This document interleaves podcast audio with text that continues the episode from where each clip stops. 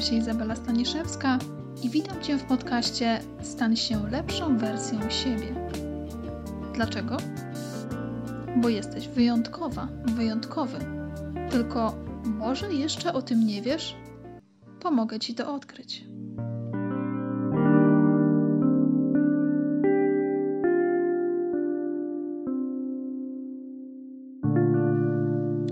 Witam serdecznie w kolejnym odcinku podcastu Stań się lepszą wersją siebie. W dzisiejszym odcinku chciałam kontynuować motyw zamartwiania się i sposobów, w jaki sposób przestać się zamartwiać i myśleć ciągle o rzeczach, o których nie chcemy myśleć. Dlatego też skieruję się w stronę małpiego umysłu. Chciałam Wam opowiedzieć, czym małpi umysł jest, jaki ma związek z zamartwianiem się, jak go rozpoznać i jak na nas wpływa i jak z nim pracować.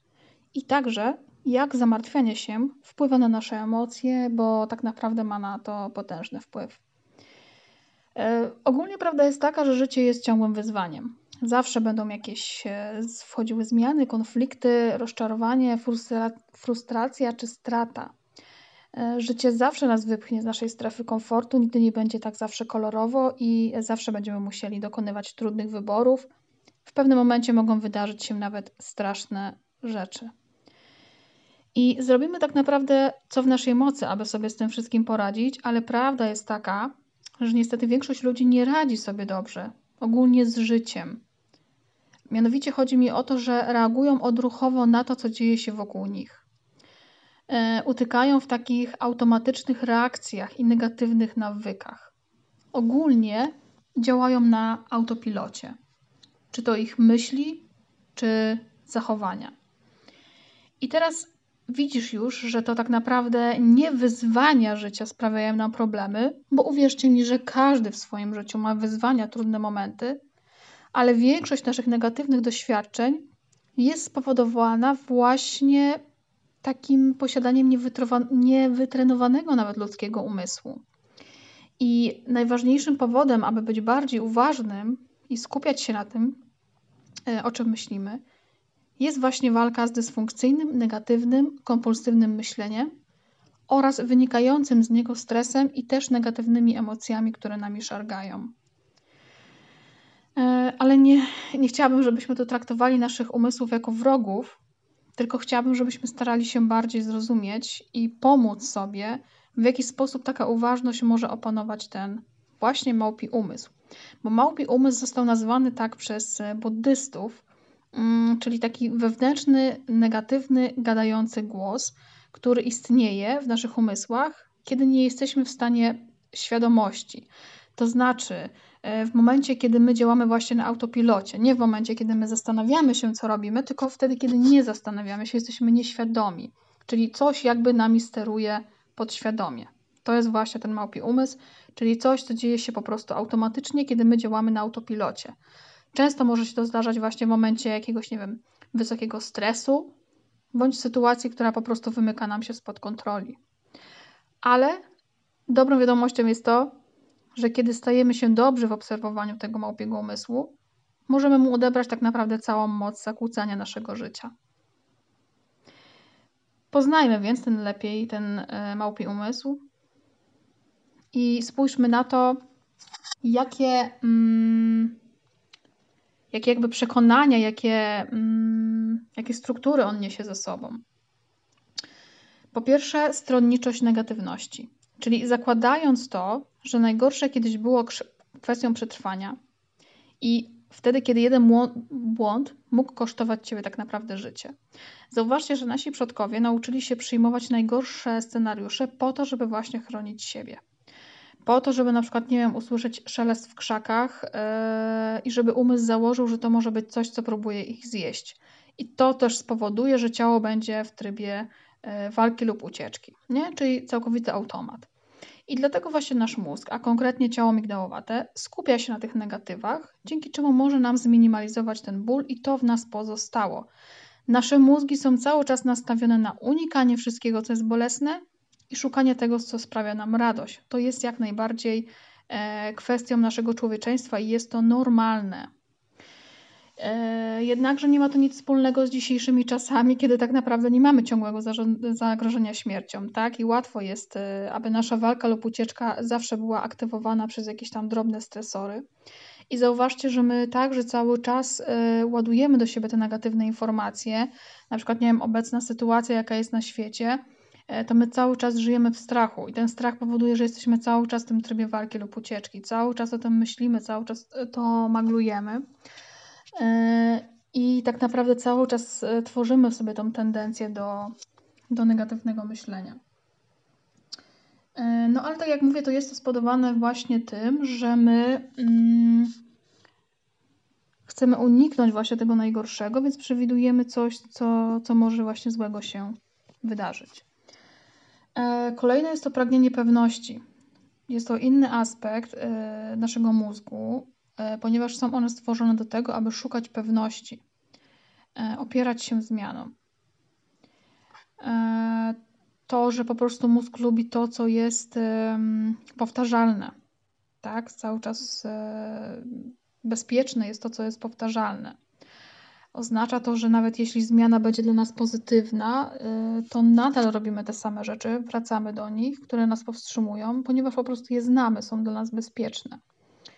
E, jednakże myślę, że jeżeli zdamy sobie sprawę z tendencji naszych mózgów do sabotowania pozytywnych zmian, to możemy zdecydować e, ominąć się tak naprawdę te instynkty i zobowiązać się do zmian, które po prostu chcemy wprowadzić tak naturalnie. E, kolejnym aspektem jest, naszego mózgu jest błąd potwierdzenia, czyli mózg zawsze będzie szukał tego, co będzie potwierdzać to, co myśli. Zauważcie, że kiedy z kimś rozmawiacie, to zawsze najbardziej wpadają Wam informacje te, które Wam pasują, nie? E, I przepisujecie, że o tak, tak, ma rację, bo to nie, nie ma racji, bo, e, bo ja myślę inaczej, tak? Czyli przepisujemy, bierzemy do siebie to, albo nawet słyszymy tylko to, co nam pasuje. E, innym przykładem może być to, że jeżeli myślimy na przykład, że wstajemy rano i dzisiejszy dzień będzie zły, tak, wstaje rano i myśli, że to będzie straszny dzień, to Twój umysł zrobi wszystko i podkreśli każdą negatywną rzecz, aby potwierdzić Ci po prostu, że ten dzień był zły, chociaż być może ten dzień nie różnił się niczym od poprzednich. Tylko Ty nie zauważysz tych pozytywów, tylko negatywów, bo mózg będzie Ci podsuwał, podsuwał tak naprawdę te wszystkie informacje. I to jest jeden z powodów też, który myślę, że jest, e, dla których uważność jest tak potężna, ponieważ e, pozwala nam widzieć rzeczami takimi, jakimi są, a nie takimi, jakie daje nam perspektywę nasz mózg, tak? Czyli uważność ogólnie pomaga nam w tym, żebyśmy widzieli wszystkie aspekty. E, kolejnym takim błędem jest przynależność. I e, to jest też bardzo, bardzo powiedzmy takie instynktowne, ponieważ my jesteśmy osobami społecznymi i przynależymy do grupy, więc nas, nasz mózg będzie powodował wszystko to, żebyśmy Mm, nie byli odpychani przez grupę. I bardzo trudno nam będzie na przykład podjąć jakąś decyzję niezgodną z grupą i będzie to tak naprawdę sabotowane przez nasz mózg, ponieważ będziemy chcieli um, cały czas dążyć do tego, co chce ta grupa, tak, żeby się do niej zbliżyć, żeby poczuć się po prostu bezpiecznie.